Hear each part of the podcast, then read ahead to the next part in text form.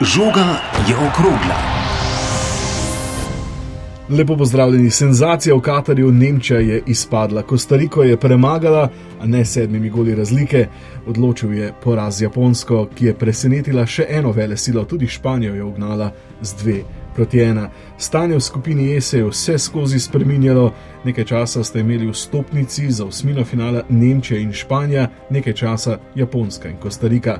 V hrvaški reprezentanci vsakič zablesti drugi gradec, proti Kanadi je kraljeval Kovačič, proti Belgiji pa Gvardiol. Belgija se je prebudila, a prepozno Lukaku je zgrešil skoraj nemogoče, sto odstotne priložnosti je imel.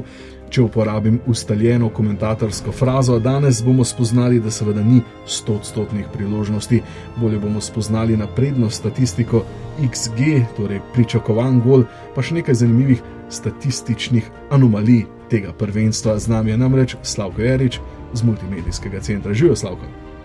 Lepo zdrav. Tu v studiu pa Aljaš Golčar Zdravo. in Jože Pepevnik. Zdravo. Moje ime je Luka Petrič. Prvi polčas.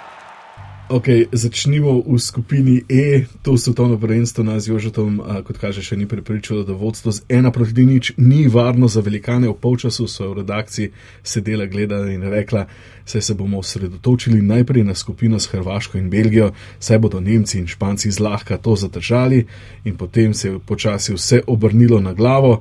Japonci so povedali, potem so Kostaričani povedali, potem so Nemci povedali, pa za Elf ni bilo dovolj. さあ日本が相手陣内ペナルティーエリアの中までゴールキーパーまでプレッシャーをかけていきます日本1点を追いかけています後半始まってまもなく3分うん取りましたねさあ日本ボールを取ってシュート入った決まりました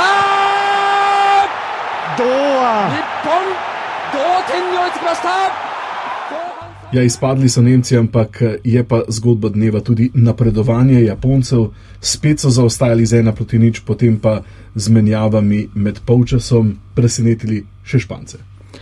Ja, presenetili in uh, pokazali še enkrat, kako ustrajni so, kako verjamejo v nekako svoj način igre, da se tudi proti močnejšim reprezentancam uh, ne ustrašijo.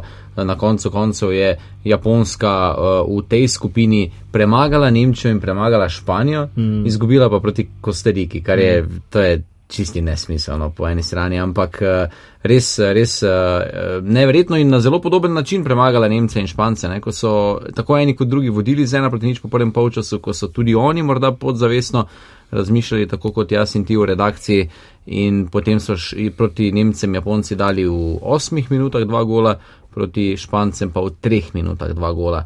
In uh, zares izjemna, izjemna uh, ustrajnost, iščem še eno boljšo besedo, pa mi zdaj trenutno ne pade na pamet, ampak ta, ta neka sposobnost uh, tega, da se morda podzavestno ne predaš, da, da ne priznaš kvalitetno boljšemu nasprotniku, da je dejansko boljši v tistih 90 minutah.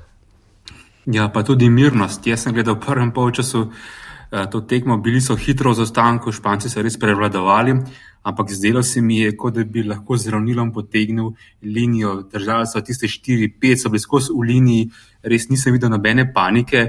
Eh, Zdelo se mi je, kot da ok, smo v zaostanku, na tem prvenstvu smo že pokazali, da lahko iz zaostanka se obrnemo in pridemo nazaj. In uh, potem jim je to res uh, s fanatičnim začetkom, tudi z um, selektorji za del menjave na začetku drugega polčasa uspelo. Uh, po drugi strani, ne, uh, fantastično pri razpletu te skupine je bilo v tem, kot je Luka že v vodu napovedal, da so se vse reprezentance v določenem trenutku znašle na prvih dveh mestih. In kar je bilo malce bizarno v zadnjih 10-15 minutah, ko je bilo že nekako fiksirano, uh, Španci so bili drugi, na koncu tudi drugi, ampak so bili najbolj varni. Uh -huh. Kajti en sam gol bi Japonce vrgal z prvega mesta na tretjega, Nemcem ve, smo vedeli, če so izenačeni, Špancem jih tudi 5-6 golov ne pomaga nič, tisti Japonci so pa vse čas viseli, tako da Španci so najmanj tvegali, tukaj ni bilo veliko. Da izgubijo, in tudi se mi zdi, da je bilo vse tako daleč, je bilo videti, da jim tudi ustreza drugo mesto, glede na to, kam jih je potem vrgla uh, v tabelo. Se mi zdi, da drugo mesto je enako vredno kot prvo, glede na to, kakšne tekmice potem dobijo uh -huh. v nadaljevanju. S tem so imeli tudi Japonci nekaj sreče, se mi zdi, ampak s tem fanatičnim preobratom so si tudi na neki način tudi zaslužili. Jaz sem bolj namenjal pozornost tisti nemški tekmi, ampak imam pa še eno opasko glede japonske reprezentance, ki sem jo podrobno spremljal na tisti tekmi proti Nemčiji, ko so zmagali z 2 proti 1 in podobna zgodba tudi zdaj. Japonci imajo še eno višjo rezervno prestavo, ki jo uporabijo v drugem polčasu, ker začenjajo z, recimo, vse iz nekega evropocentrističnega vidika zanimivo postavo, kjer imajo na klopi ogromno nekih uh, igralcev, ki so mogoče tistim, ki bolj spremljamo evropski nogomet, uh, recimo taki, da bi jih najprej postavili v tisto začetno enestirico. Mm -hmm. Tako mi Minamin sploh ni zaigral, recimo Takehiro Tomijasu, res da v tej sezoni ni v prvi postavi pri Arsenalu, ampak je izjemen branilec, pa ne dobi mesta v prvi japonski postavi, kar mi je tudi zelo zanimivo. Potem je tu še Takuma Asano, ki mogoče ne začenja tekem, ker je bil še pred kratkim poškodovan, ampak ko oni vse te igralce potem uporabijo v drugem polčasu, dobijo tisto neko dodatno dimenzijo, ki jim mogoče ali v prvem polčasu manjka, ali pa zato, da mogoče že malo bolj utrujenega nasprotnika potem premagajo. In uh, to mi je pri Japoncih ena taka zanimiva stvar na koncu, pa seveda, če premaga Španijo in Nemčijo, si zasluženo v osmini finala. Seveda. Ja, in uh, zanimivo, kar si rekel, to, uh, kdo začne in kdo ne začne na klopi, oziroma v prvi nesterici, se mi zdi uh, ta azijska kultura, ker vemo, da je kolektiv nad individualizmom in se mi zdi, da je to pomembno, da ni nekih zamer, kdo začne tekmo in kdo ne, da je pomemben ta višji cilj in to je pač uh, uspeh reprezentance in na tem v tem pogledu se mi tudi ta taktika očitno izplačala. Kaj je šlo na robe z Nemci, eh, Jože, glede na to, da smo nekoč rekli, da vedno pridejo vsaj do četrtfinala, zdaj so pa drugi zapored izpadli v skupini. Ja, mundial je tekmovanje, kjer 32 ekip nastopa in vedno izpadejo Nemci v skupinskem delu, bi zdaj lahko rekli. Neverjetno je. Uh, res je Nemčija, ko gledaš uh, tole reprezentanco, ni ena od najboljših Nemčij v zgodovini, mislim, da še zdaleč ne. Vseeno pa gre za reprezentanco, ki bi morala skozi ta skupinski del. Jaz mislim, da jih je zelo, oziroma ne, mislim, ampak jih je zelo drago stal, torej ta uvodni poraz proti Japonski, ki jih je na koncu nekako ulovil um, ob koncu skupinskega dela. Mi pa ni točno jasno, kaj se dogaja s to nemško uh, mentaliteto, včasih pregovorno. Nemčija je reprezentanca, ki je od leta 2009 do 2014 na štirih zaporednih evropskih prvenstvih, eh, svetovnih prvenstvih, pardon, igrala v polfinalu, vedno osvojila odličje, bila torej svetovni prvak eh, v Braziliji. Uh, in potem od takrat naprej, uh, ne samo na svetovnih prvenstvih, ampak tudi v drugih tekmovanjih v zadnjih letih ne blesti. Torej, Rusija 2018 izpadli po skupinskem delu, v Ligi narodov leta 2019 končali na zadnjem mestu in jih je UEFA rešila pred izpadom v, v Beligo. Potem nas, ja, naslednje leto v Ligi narodov niso se uvrstili na Final Four, potem ko je Španija razbila šestnič, uh mhm. -huh. potem so na Euro. Torej, organiziranem eno, eno leto pozneje, ne, izpadli v osmini finala. Potem, Potem so v Ligi narodov zaostali za Italijo in Mačarsko, mislim, uh -huh. da je mhm. Mačarska premagala, če se ne motim. Uh, in zdaj so spet izpadli iz skupinskega dela. Tako da uh, ne gre toliko morda za samo pomankanje kakovosti ali pa da bi šlo za neko, nek mrk uh, talenta pri Nemcih, ampak enostavno na teh velikih tekmovanjih jih. Običajno reprezentance v nekih situacijah 50 na 50 premagajo in, in mi ni jasno, zakaj se to dogaja. Bomo morali Sinišo, Klinsija, Uroševiča vprašati.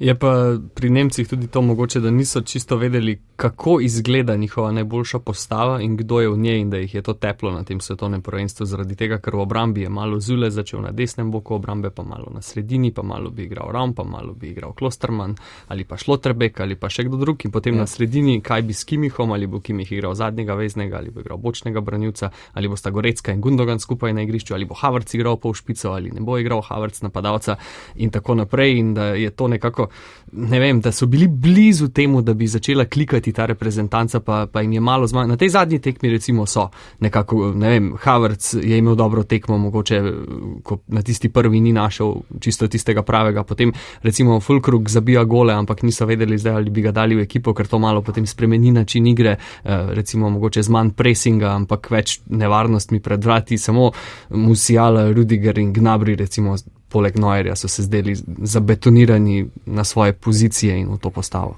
To, kar je zdaj Aljaš eh, povedal, ko je našteval vse te, vse te nogometaše v, v obrambni vrsti, ne, morda pa moram vzeti kakšno besedo nazaj ne, iz zadnjega komentarja, ki sem ga dal. Ne.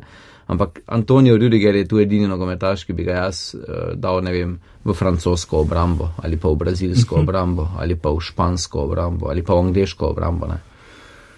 Klosterman, Šloterbeck, Ginter, Raum, z vsem dolžnim spoštovanjem, ne, seveda krasni nogometaši igrajo uh, na najvišjem nivoju v Evropi, ne, ampak ali so to res nogometaši, ki ti lahko prinesejo naslov svetovnega prvaka, ne vem. Če se obrnemo po koncu druge svetovne vojne, vemo prvič v Braziliji 50 niso smeli igrati, potem od Švice 54, ne, na 16 zaporednih, torej na vseh prvenstvih so se uvrstili v četrt finale. Dobro, tisto, tisto prvenstvo v Argentini ni imelo klasičnega četrt finala, ampak so se uvrstili med osem najboljših reprezentanc, kar kaže res o pregovorni kakovosti. In zdaj, ko so bili našteti dosežki reprezentance po prvenstvu 14, po naslovu zadnjega prvaka.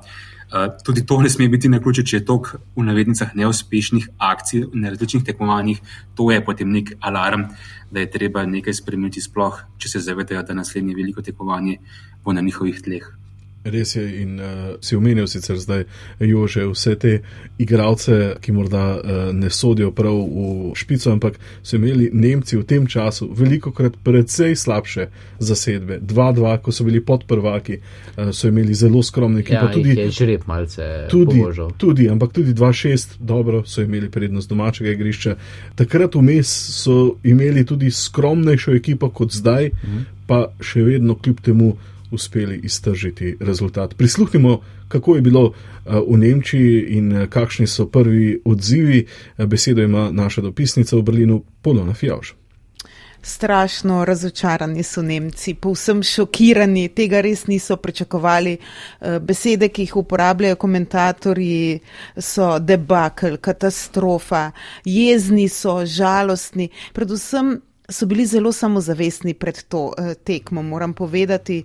Uh, pričakovali so seveda, da bo Španija premagala Japonsko in oni Kostariko. Kot je dejal Kaj Haverc, napadalec, da so računali absolutno, da bo Španija zmagala, da se zavedajo, da so imeli priložnosti proti Japonski, kjer so igrali najslabše, tudi proti Španiji, ampak vse so zapravili. In že s tem, ko so izgubili prvo tekmo proti Japonski, to se ne sme zgoditi, je bil pritisk potem potem bistveno večji. In potem mnenje, da bo težko, da mora Nemčija premagati odlično Španijo, torej nekako je veselo v zraku po prvi tekmi, da bi Nemčija lahko izpadla. Nemčija je začela to zadnjo tekmo proti Kostariki dobro, a so komentatorji, torej nekdani nogometaši, kot so Bastian Schweinsteiger pa Oliver Birhoff, zdaj direktor reprezentance, ugotavljali, da bi morali takoj dati več golov, da so bile priložnosti, da bi tako povečali pritisk na Španijo, da morajo zmagati proti Japonski. A kot rečeno, ko si odvisen od drugega, lahko narediš le toliko. Čustven je bil odziv Tomasa Millerja, da je bil pritisk prevelik, da niso mogli dati sedem golov, ampak na koncu je rekel, da je zanj osebno to katastrofa, da je da morda to njegova zadnja igra z Nemčijo in se je v bistvu od Nemcev takoj po tekmi tudi poslovil. Uh, to je moja zadnja tekma, z ljubeznijo sem igral, oprostite in bilo je dobro dobro na ta način. Tako da ja, na koncu te ugotovitve, da so spustili igro iz rok, vmes, da obramba ni bila dobra, da v bistvu nimajo dobrih igralcev, da bi morali biti bolj kot brazilci, kot vsa, ko vsak igralec ve, kaj dela, ampak da je zatajila tokrat predvsem obramba. Na koga so pa kazali prst? Selektor Flik je prvič vodil Elf na velikem tekmovanju, so eh, bili precej kritični do njega. Voditeljica na javni televiziji ARD je bila brezkompromisna, vse po vrsti vprašala, ali bodo prevzeli odgovornost za to, kar se je zgodilo. Najprej uh, Hansija Flika, že pred tekmo je napovedal, da ne namerava odstopiti. In večina komentatorjev mu zdaj v teh prvih uh, razočaranih uh, odzivih daje prav, pravi, da se bo osredotočil na Evropsko prvenstvo, ki bo leta 2024 v Nemčiji. Ni se strinjal s tem, da je manjkal ogen v nemški reprezentanci, ampak je priznal, da so bile storjene napake tudi predvsem v obrambi. Tudi Oliverja Birhofa, torej direktorja, so vprašali, to je že drugi izpad, torej, ali boste odstopili, tudi on ne namerava, pravi, da ne vidi težav v kakršnem koli organizacijskem delu, skratka, da je treba s to reprezentanco delati še naprej in da morda Nemčija vendarle nima tako dobrih posameznikov, kot misli, da jih ima, in da je na koncu morda zmanjkalo tudi vodstvo, nekdo, ki bi igralce potisnil še korak dlje. Nadaljujemo v skupini F, Hrvati in Belgici so odigrali tekmo za biti ali ne biti, na koncu nič proti nič, točka je bolj odgovarjala Hrvaški. Um, zanimivo, tako na eni kot drugi strani so bili povsem izmučeni uh, na koncu tekme slike Luke Modriča, ki se je kar ulegal na tla.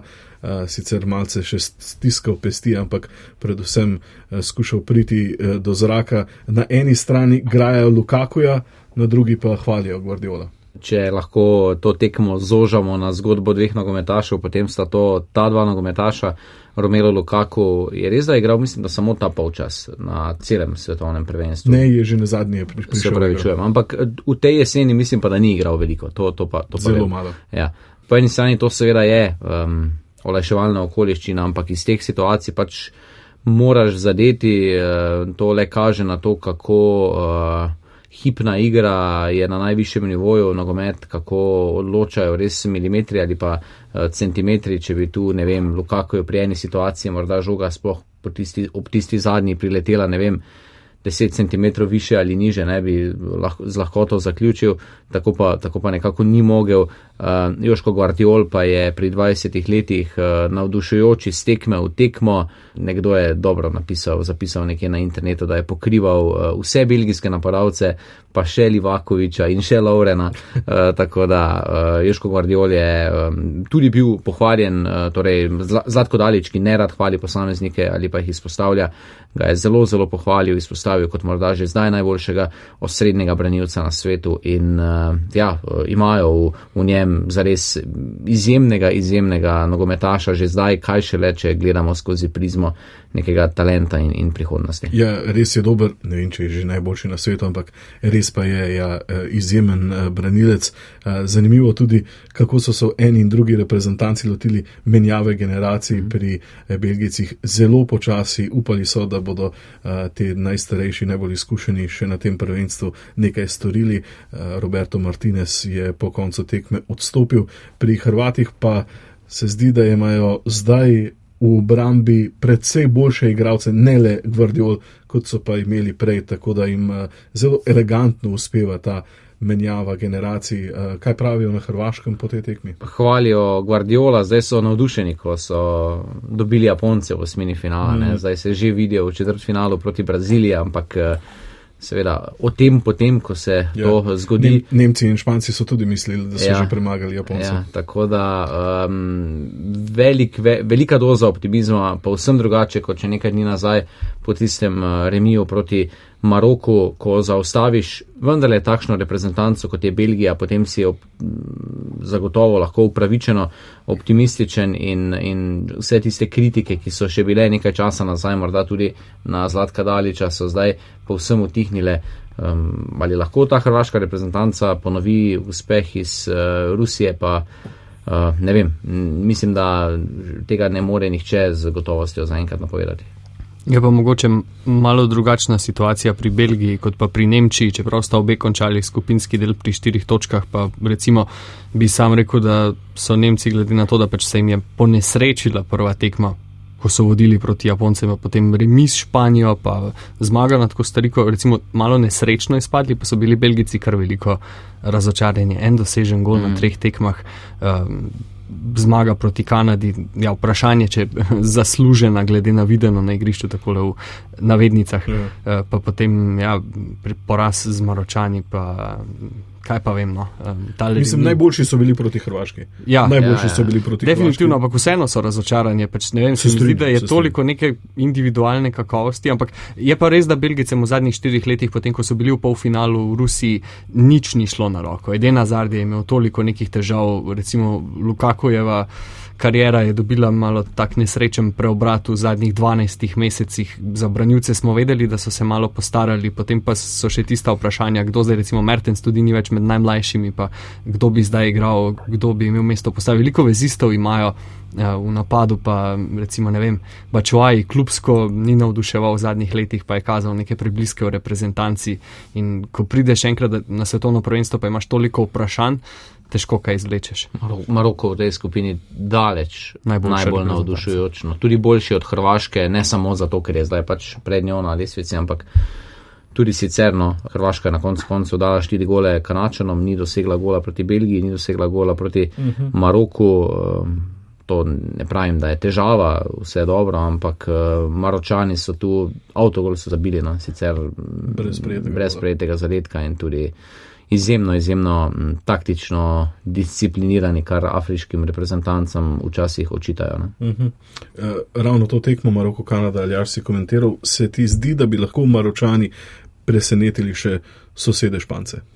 Ja, definitivno. V bistvu, kar ima Maroko, je um, defenzivno so zelo kakovostni, uh -huh. uh, imajo odlična osrednja branilca, recimo imajo Agerda, ki je danes sicer dal nesrečen avtogol, pa ga je recimo pred kratkim West Ham kupil od Rena za 30 milijonov funtov, kar ni tako, ni sploh nezanemrljiv znesek. Seveda. Potem kapetan je Roman Seis, ki je vrsto let uspešno igral v Premier Ligi za Wolverhampton, zdaj ga v Angliji sicer več ni, ampak še vseeno pravi vodja tudi na igrišču.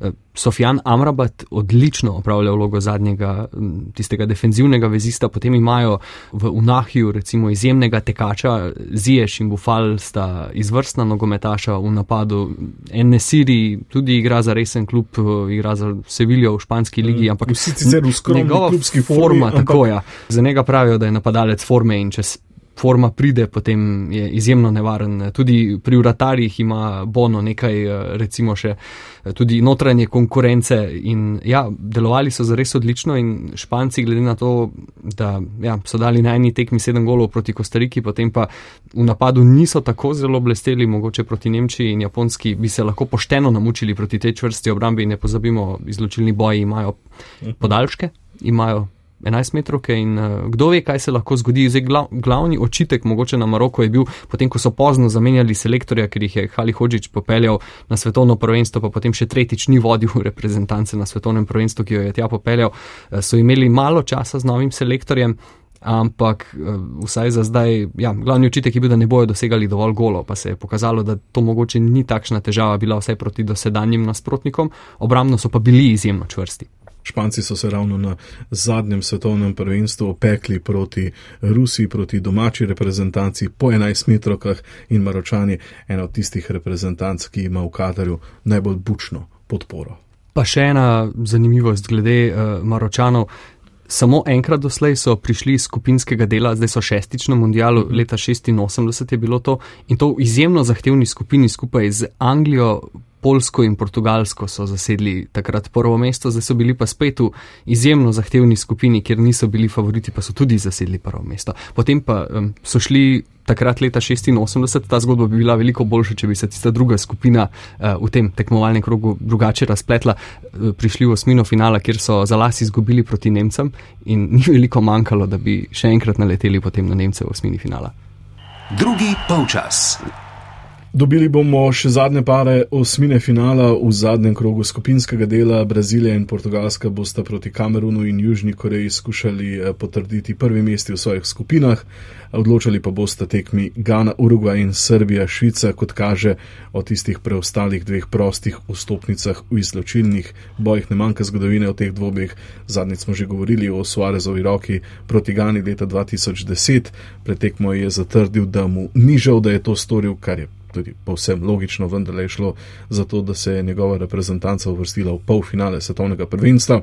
Mnogi ganci so pred prvenstvom zatrjevali, da bi raje premagali Urugvaj, kot pa napredovali.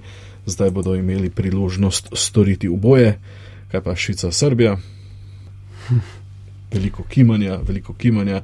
Dobra tekma bo. Nestrpno pričakujemo, zadnjič smo slišali, eh, da eh, bo to gotovo razburljiva tekma in gotovo bomo videli Ja. Rdeči karton. A Ja, to, to, to ne bi upal napovedati. Eh, Sem pa bil, čeprav je bila tekma Kamerun-Srbija 3-3 in je v drugem polčasu letelo gor dol in ne vem kaj, ampak jaz sem bil nad Srbijo razočaran, ker se mi je zdelo, da igrajo en tak staro moden nogometno, ker je nekdo imel žogo, ostali so precej uh, statično stali okoli, ni bilo nek, vsaj meni se je zdelo tako, uh -huh. no, ni bilo neke, razen pri tistem zadetku, malo nogometnem, ko je Mitrovič. Eh, ampak to, to so res neki redki slučaji, ne, zdaj, uh, meni se je večkrat zdelo res, da so fanti skregani med sabo, čeprav to zdaj demantirajo, uh, tako da uh, zelo me zanima, kako bo to izgledalo, ker tudi Švica ni, bog ve kaj, zaenkrat pokazala v teh tekmah. Tako težko je, je predeliti. Ja, res je.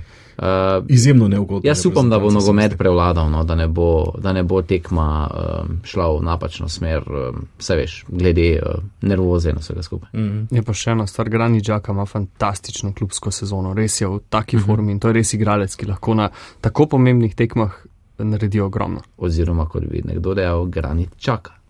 in tudi že dosegel edino, torej asistenco za edini švicarski gol na tem prvenstvu. Je ja, mene pa iz presenečenja, iz statističnega vzroka bolj zanima, uh, ali se bo pisala zgodovina. Namreč po šestih končanih skupinah ni niti ene reprezentance, ki bi pretekovalni del končala s tremi zmagami. Vedno v celotni zgodovini v tem formatu sta vsaj dve uh, zmagovalki skupine končali torej s tremi zmagami, z devetimi točkami. Zdaj, pred zadnjim tekmovalnim, uh, tekmovalnim dnevom, imamo samo še dve kandidatki, to sta Brazilija in Portugalska. In, uh, težko je biti zagotov, da boste tudi po jutrišnjem večeru obe končali s popolnim skupičkom.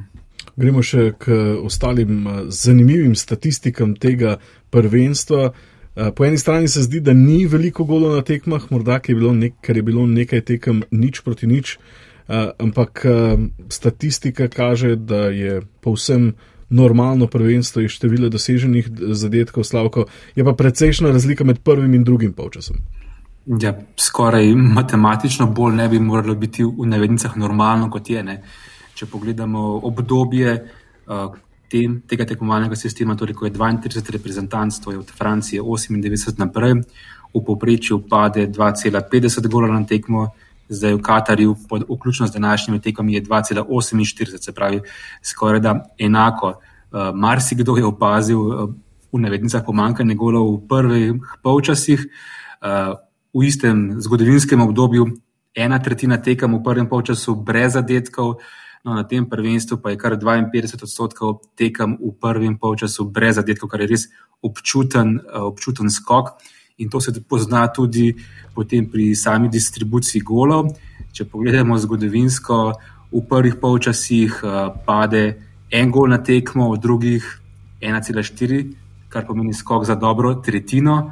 No, na tem prvenstvu pa je res neverjeten skok, v prvih polčasih ni celih 8 golov na tekmo, v drugih skoraj 1,7, kar pomeni za 111 odstotkov rast, to je res neverjetna. Uh mhm. -huh. In tukaj lahko iščemo več razlogov, od, vem, od previdnosti, taktičnosti, ekipe na začetku niso tako odprte, morda tudi, Luka, so se enkrat pogovarjali, morda faktor krajših priprav. Ne? Morda faktor precej daljših sodniških dodatkov v drugih polčasih sploh. No? -huh. Mhm. Jih je bilo kar nekaj, že ko je bilo deset let. Več igralnega časa. Seveda je. Uh -huh. um, ampak stari angliški pregovor pravi: It's a game of two halves. je, je res. Sicer pa ja, uh, ker smo pri uh, teh podaljških, um, torej uh, slavko podaljški so zelo dolgi. Uh, na začetku se nam je zdelo, da so ekstremno dolgi, pa se je to dogajalo tudi zaradi poškodb na tekmah Saudske Arabije in Iran, Anglija. Ravno tekmi na začetku prvenstva obe sta trajali več kot 110 minut koliko več časa se igrajo tekme, oziroma so dolge tekme v primerjavi s prejšnjimi prvenstvi. Ja, po besedah šefa, sodnika Pierluigija Kolina, je delal primerjavo, da v Rusiji pred zadnjem prvenstvu je bila vsota sodnikovih podaljškov 6 minut in pol, na tem prvenstvu pa 10 minut.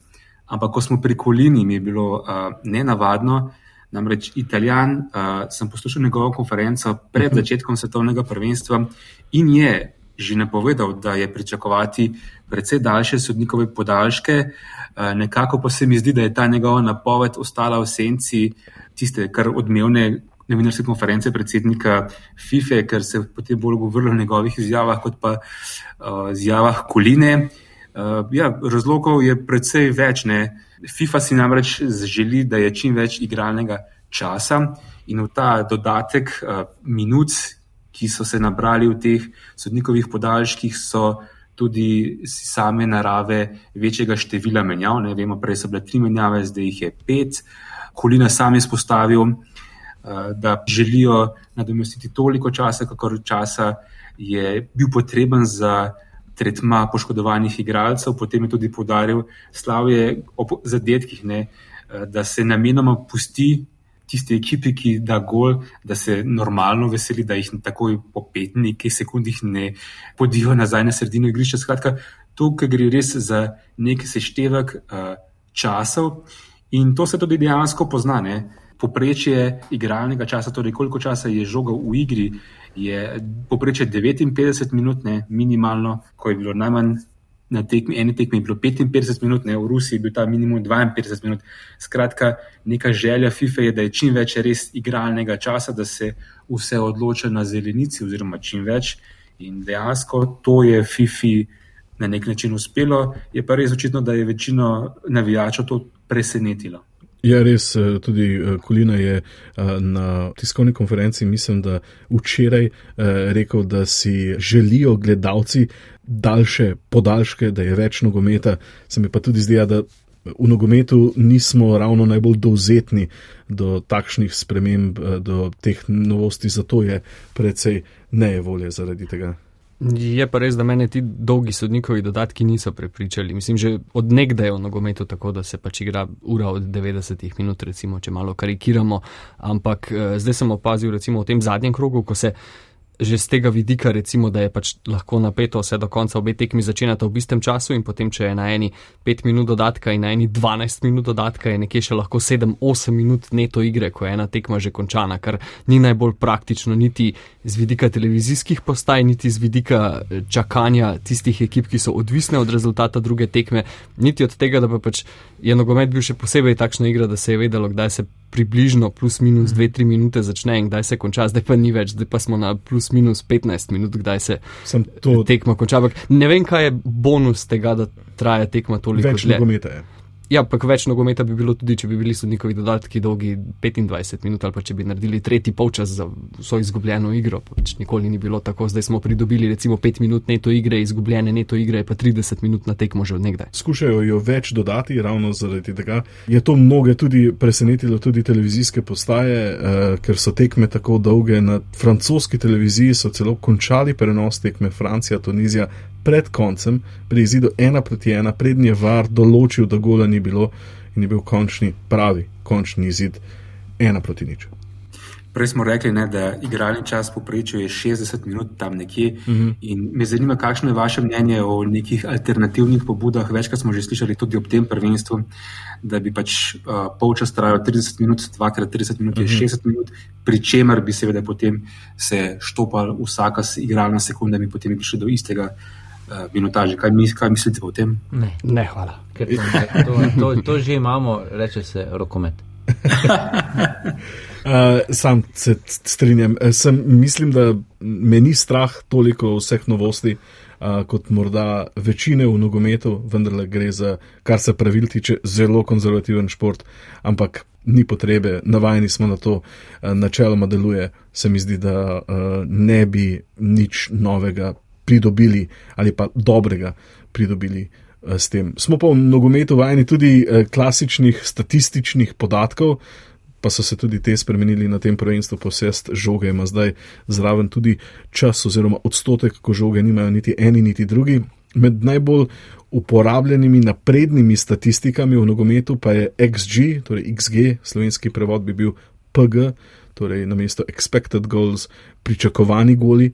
Ta statistika ovrednoti vsako priložnost in bolje pove, kako dobre so bile priložnosti. Lahko več poveš o tem, Slavko? Morda še korak nazaj, ko se vprašamo, sploh, kaj je namen statistike, recimo športne statistike, ne? kaj je njen primarni namen. Zdi se mi, saj en večjih namenov gotovo, da skuša nekako razložiti, zakaj se je nekaj končalo, kot se je. Uh -huh. uh, pri tem imamo seveda veliko pomožne statistike. Ne?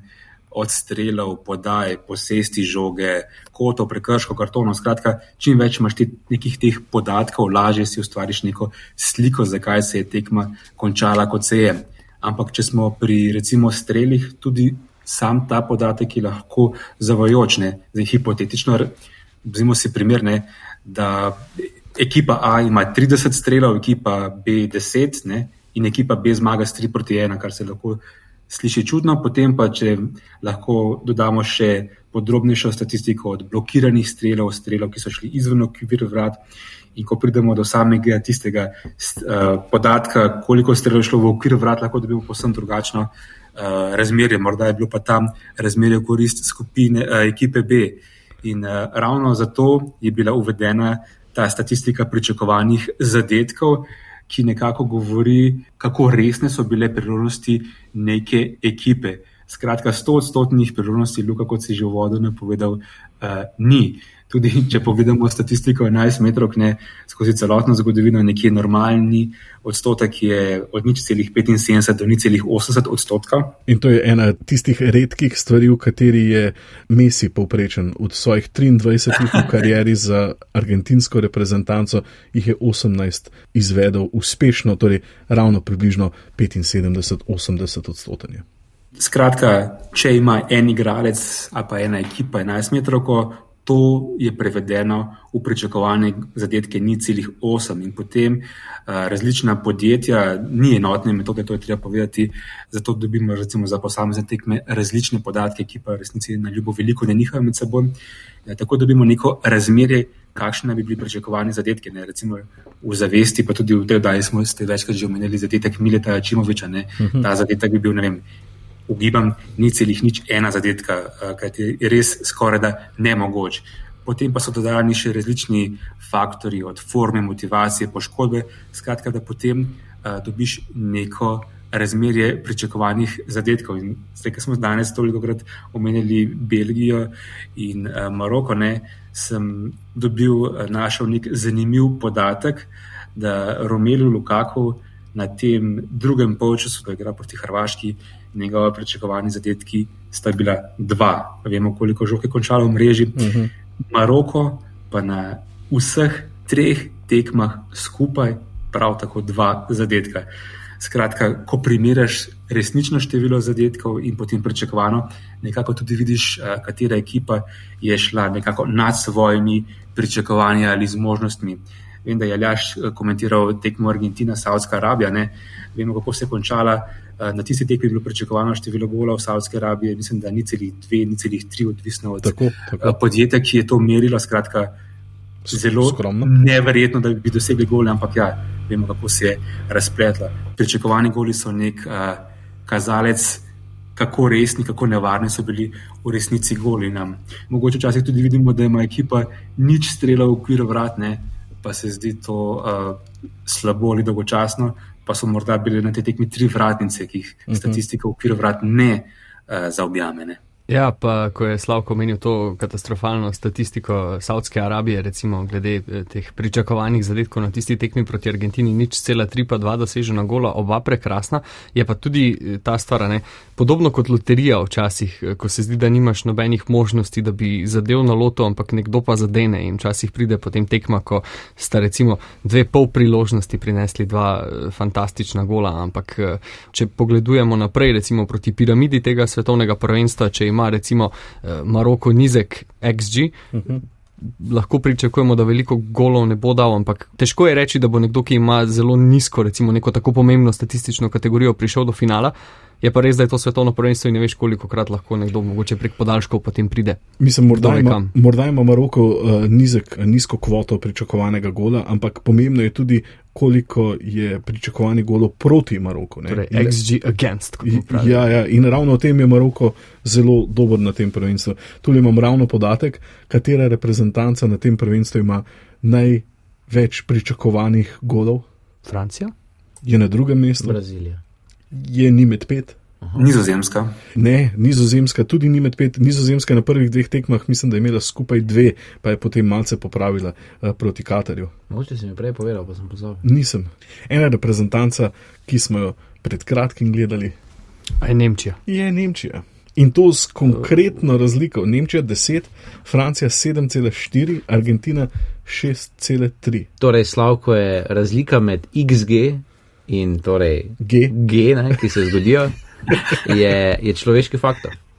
Tako je, in to je tudi en izmed uh, pogostih statistik, ko tudi tedaj večkrat ste primerjali, smo primerjali Ronalda in Messija. Ne, in, uh, v teh statistikah, zdaj govorim z glavo, ampak kar sem večkrat preverjal, je Messi uh, dosegel več golov kot naj bi jih, glede na ta XG, -hmm. kar naj bi bil ena izmed dodatnih uh, teh jezičkov v njegovo pridne in, v teh večnih primerjavah. In mogoče je to problem Nemčije, ne? ker včasih niso imeli tako, um, da bom tehnično vrhunskih ekip, mm -hmm. so pa imeli napadalce, ne? so imeli Klinsmana, so imeli Birhofa. Uh, tako je, ne? zdaj pa imajo vse te znalce na žogi, pa ne dajo gola. Ne? So pa je na to, tak način, to je zelo splošna je, razlaga. Na ne. tak način so sicer, ja, imeli so Miroslava Klozeja. Uh, Tako, tako, tako, tako, tako. Ampak na tak način pogosto, brez klasične devetke, Ja. so postali svetovni prvaki v Braziliji 2014. ne. Uh, Oliver Birhoff, vse veš, ne, iz Ja. ene šanse je dal dva gola.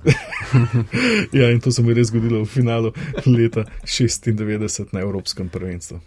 No, ampak ko govorimo o teh eh, naprednih statistikah in uh, pomoči uh, statistike v razumevanju športa, pa vendar je treba, vsaj rad podarim, povedati, da ima pa nogomet kar neke omejitve, vsaj če ga primerjamo z nekaterimi drugimi športi. Ne.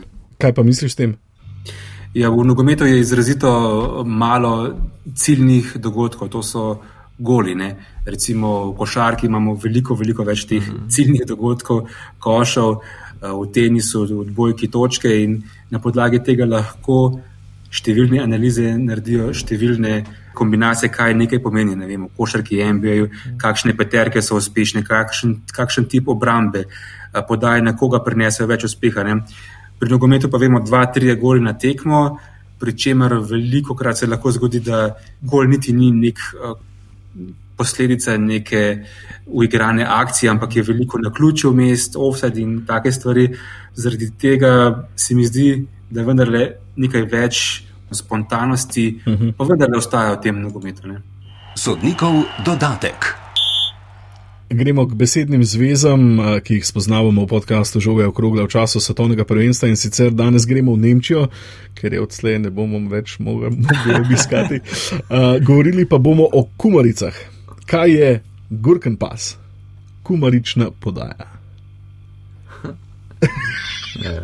Um, Vem, vem, kaj, vem, kaj je Frajštos.